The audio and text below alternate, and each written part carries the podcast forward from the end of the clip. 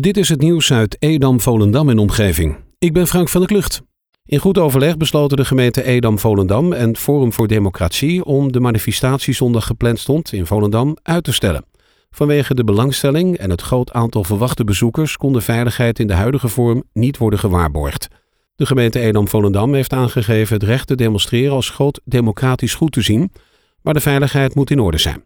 De gemeente gaat nog in overleg met het Forum voor Democratie voor een volgende datum. De plannen voor een religieuze woongemeenschap in Midden-Beemster worden steeds concreter. De doopsgezinde gemeente Beemster-Oosthuizen wil het terrein van de Schuilkerk Beemster aan de Middenweg uitbreiden met zes woningen. Het moet een kleinschalige woongemeenschap worden, zo vertelde Chris Luursema van de stichting Beemster Vertoeving aan het Noord-Hollands Dagblad. Met het oprichten van een woongemeenschap hoopt men voor meer reuring en nieuwe activiteiten te zorgen. De wethouders van de gemeente Edam-Volendam nemen de portefeuilles van burgemeester Lieke Sievers waar, zolang zij uit relatie is, zo meldt het Noord-Hollands Dagblad. Tijdens de laatste raadsvergadering in 2020 liet de burgemeester weten voorlopig haar taken over te dragen om er te kunnen zijn voor haar ernstig zieke man. Twee weken daarna, op Nieuwjaarsdag, overleed Martin Dijkstra. Zolang Sievers uit de roulatie is, neemt wethouder Albert Koning het voorzitterschap van het college van BMW over, met Vincent Tuip als eventuele plaatsvervanger. Tuip zal tevens zitting nemen in de stuurgroep Young Fire and Rescue Team. De aangekondigde actie van de horeca om op 17 januari de deuren te openen is van de baan. De aantallen besmettingen zijn nog zo hoog dat het niet houdbaar is om de actie door te laten gaan. Dat zegt de Koninklijke Horeca Nederland. De horeca stelt wel een andere eis. Ze koppelen de heropening van de horeca aan de opening van de winkels, zo zegt regiovoorzitter van de Koninklijke Horeca Nederland Noord-Holland, Rob Balters. Dat zei hij tegen NH Nieuws. Deze week besluit het kabinet of de lockdown verlengd gaat worden. In Heemtuin, de dwarsschouw aan het IJsbaanpad in Purmerend, komt een insectenhotel. Het gaat wel een echt hotel worden waar verschillende materialen gebruikt worden, zodat verschillende soorten wilde bijen er nestgelegenheid vinden. Ook is het belangrijk dat er voor de wilde bijen voldoende voedsel kan worden gevonden in de nabijheid. Door voor veel verschillende bloemen te zorgen, heb je ook meer kans op verschillende soorten. Het hotel komt op het eiland in de heemtuin te staan, om in ieder geval te voorkomen dat vandalen het beschadigen. Mensen van 60 tot 75 jaar uit de Zaanstreek en Waterland die thuis wonen, kunnen zich naar verwachting in maart laten vaccineren tegen het coronavirus. Pas als zij hun vaccin hebben gehad, is de leeftijdsgroep van mensen van 18 tot 60 jaar zonder medische indicatie aan de beurt.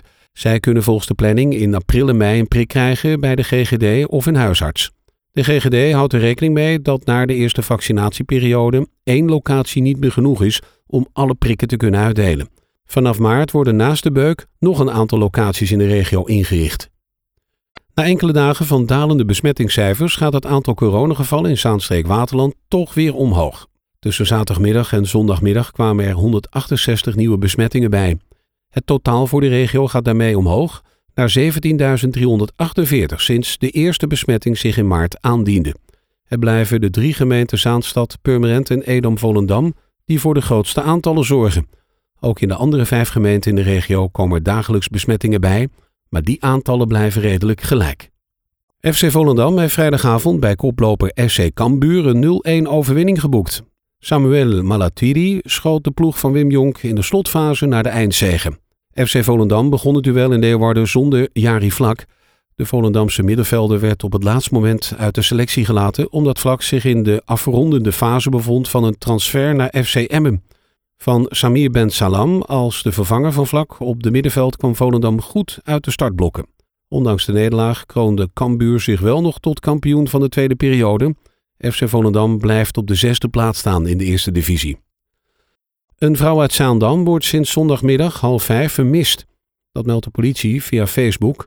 Ze hebben ook een foto geplaatst van de vrouw. De vrouw is voor het laatst gezien bij de Albert Heijn XL aan het Koningin Julianaplein in Zaandam.